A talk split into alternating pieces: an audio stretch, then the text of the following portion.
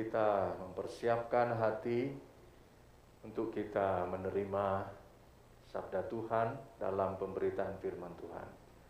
Mari terlebih dahulu kita bersama-sama berdoa. Engkaulah sumber kekuatan, sumber sukacita kami ya Allah.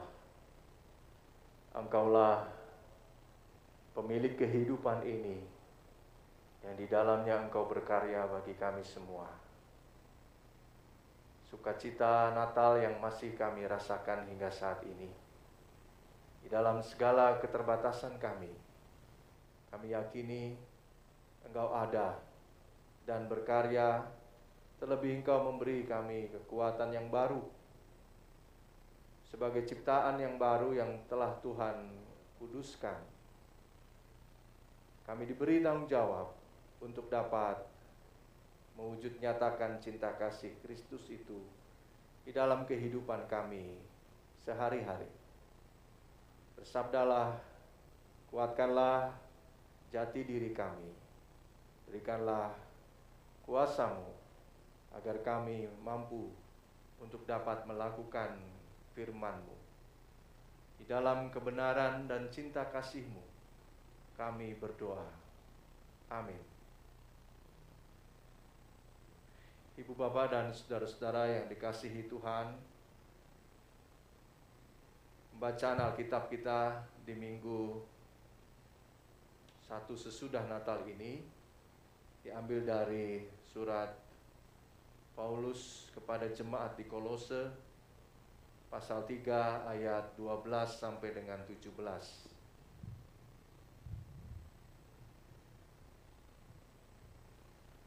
Begini bunyi firman Tuhan.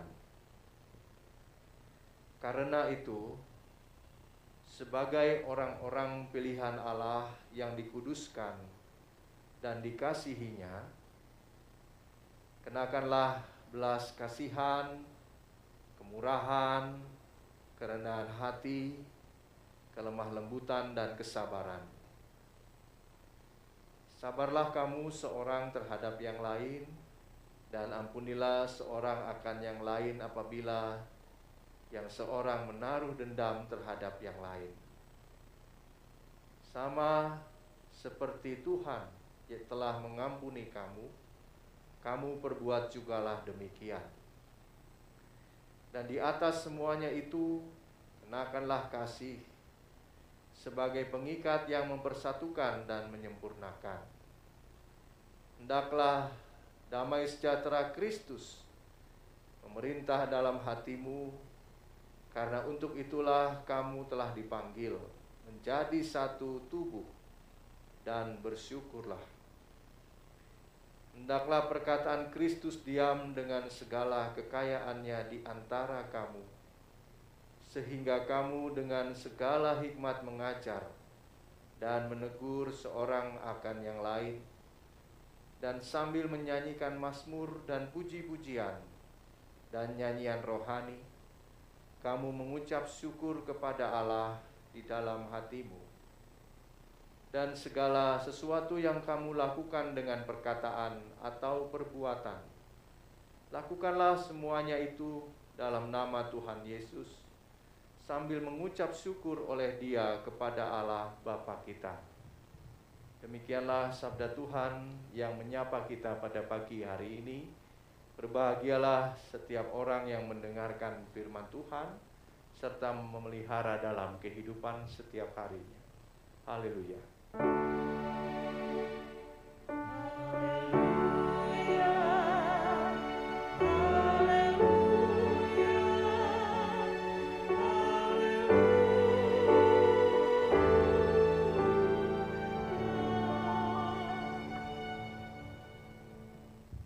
Selamat pagi Bapak Ibu dan Saudara yang terkasih. Selamat pagi juga Bapak Ibu dan Saudara yang beribadah melalui kanal YouTube atau live streaming YouTube GKP Bandung. Izinkan saya menyampaikan selamat hari Natal untuk kita semua.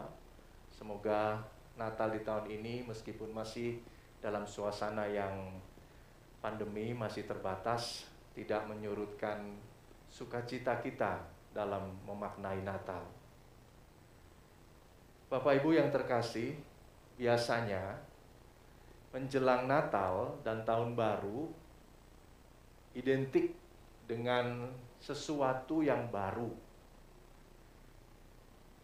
Misalnya pakaian yang baru, handphone, gawai yang baru, suasana yang baru, barangkali juga model rambut yang baru, mobil, motor, kendaraan yang baru, mungkin juga rumah baru, atau bahkan jabatan yang baru.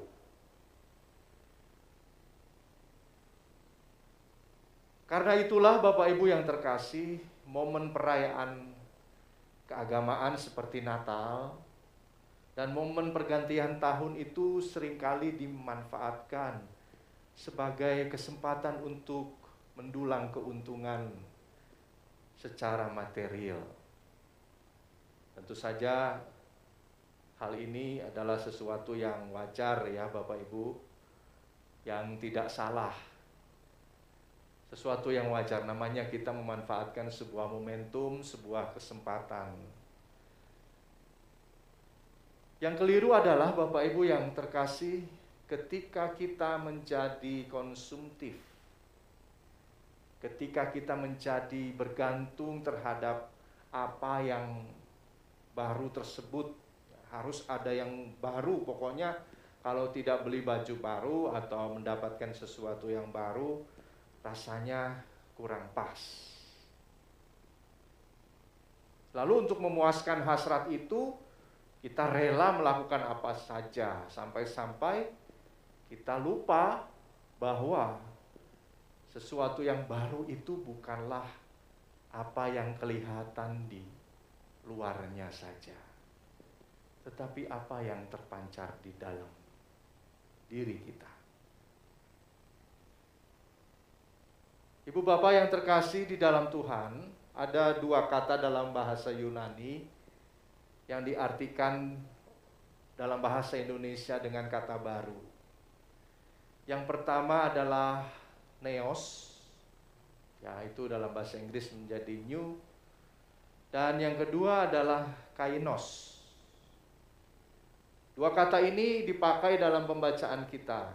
Di Kolose 3 ayat 10 saya mau sedikit mundur ke ayat 10 dikatakan di sana dan telah mengenakan manusia baru yang terus-menerus diperbarui untuk memperoleh pengetahuan yang benar menurut gambar haliknya. Neos, Bapak Ibu yang terkasih, itu artinya baru dari segi waktu. Sesuatu yang lebih canggih, lebih muktahir, seperti handphone sekarang sudah canggih sekali handphone atau gawai kita ya atau jaringan internet sudah mau 5G ya, itu lebih canggih lebih cepat katanya dari 4G yang sekarang kita pakai. Atau jam tangan atau bahkan kendaraan bermotor atau aplikasi sesuatu yang lebih muktahir, sesuatu yang uh, lebih canggih dari dari apa yang sudah ada. Sesuatu yang baru yang dihasilkan dari proses reproduksi, bentukan baru dari yang lama. Sedangkan kainos Bapak Ibu yang terkasih, artinya sama sekali baru. Jadi bukan perbaikan dari yang lama, tetapi sesuatu yang belum ada sebelumnya dan sesuatu yang secara kualitatif berbeda. Barangkali uh, saya membayangkannya mobil listrik mungkin ya. Kalau saya keliru boleh dikoreksi. Mobil listrik barangkali menjadi sesuatu yang belum ada, jadi sekarang ada mobil listrik. Itu robot artificial intelligence yang bisa meniru manusia sampai 90% mungkin itu juga bisa disebut sebagai sesuatu yang baru. yang sebelumnya belum ada yang bisa meniru manusia. Atau bahkan barangkali Bapak Ibu dan Saudara, virus corona menjadi sesuatu yang baru yang belum ada sebelumnya. Nah, kalau itu dikenakan pada kita sebagai manusia, Bapak Ibu dan Saudara yang terkasih, maka istilah manusia baru adalah ciptaan baru yang terdiri dari darah dan daging, tetapi di dalamnya ada yang baru yang dikerjakan oleh Allah. Manusianya terdiri dari darah dan daging, tetapi di dalamnya ada sesuatu yang baru yang dikerjakan oleh Allah. Apakah itu? Di dalam kita, menurut Kolose, ada belas kasihan ada kemurahan, ada kerendahan hati, ada kelemah lembutan, dan kesabaran. Benarkah itu pekerjaan Allah? 100% benar. Coba saja Bapak Ibu amati perilaku kita manusia masa kini kita lebih banyak tidak sabar. Kita lebih suka tidak peduli. Masa bodoh. Kita lebih gampang untuk angkuh dan sombong. Kita lebih suka membenarkan tindak kekerasan demi keuntungan sendiri. Kita juga lebih senang melihat orang lain menderita dan merasa dirugikan ketika orang lain berbahagia. Firman Tuhan katakan ampunilah seorang terhadap yang lain. Emangnya gampang? Tidak, Bapak Ibu. Kita lebih suka menyimpan kesalahan orang lain dan membalasnya dengan kesalahan atau kejahatan yang lebih besar dari kejahatan yang kita terima. Oleh sebab itu yang disebut belas kasihan, kemurahan, kerendahan hati, kelemah lembutan dan kesabaran itu adalah pekerjaan Allah. Yang dikerjakan di dalam diri kita. Hari ini firman Tuhan mengingini perubahan itu Bapak Ibu dan Saudara yang terkasih. Hari ini firman-Nya ingin kita menjadi manusia yang sama sekali baru secara kualitas. Manusia yang terus-menerus dibarui agar serupa dengan gambar khaliknya. Jadi kita diingatkan lagi bahwa kita itu diciptakan serupa dan segambar dengan Allah. Itulah hakikat kemanusiawian kita yang sesungguhnya Bapak Ibu. Oleh sebab itu Rasul Paulus mengatakannya di ayat 15, Hendaklah damai sejahtera Kristus memerintah dalam hatimu. Jadi pekerjaan Allah dimulai dari hati kita. Allah yang memerintah, bukan kedagingan kita, melainkan rohnya yang menguasai kita. Bapak, Ibu, dan Saudara yang terkasih, tentunya kualitas membutuhkan proses. Sesuatu yang berkualitas tentu ada prosesnya, dihasilkan dari sebuah proses yang baik. Saya membaca renungan di dalam warta jemaat kita. Di sana ada pepatah yang berbunyi, palu menghancurkan kaca, tapi palu membentuk baja ya. Kalau Bapak Ibu uh, melihat warta jemaat kita palu menghancurkan kaca tapi palu membentuk baja. Kita bisa seperti kaca tapi kita juga bisa seperti baja. Kaca kalau dipukul pakai palu tentunya hancur itu bisa menggambarkan diri kita yang di sini katakan yang ringkih, rapuh, sedikit benturan, sedikit uh, ketersinggungan lalu pundung gitu ya, lalu sakit hati. Berbeda dengan baja yang berkali-kali dihantam pukulan, tapi akhirnya tetap berguna. Berkali-kali dihujam masalah, tapi kita masih bisa menemukan kebaikan Tuhan di dalamnya. Jadi ini sebuah, menurut saya sebuah pilihan. Bapak Ibu mau jadi kaca ya boleh, mau jadi baja juga boleh. Kan tidak semua manusia kuat seperti baja Pak, betul. Tapi bisa juga seperti baja. Hidup kita yang terpenting adalah Bapak Ibu yang terkasih, dibentuk oleh Tuhan. Bahkan bukan sekadar dibentuk tetapi ia mengubahkan kita, kainos terus menerus dibarui asalkan kita mau berproses dan terus belajar agar perkataan Kristus diam dengan segala kekayaannya di dalam hati kita.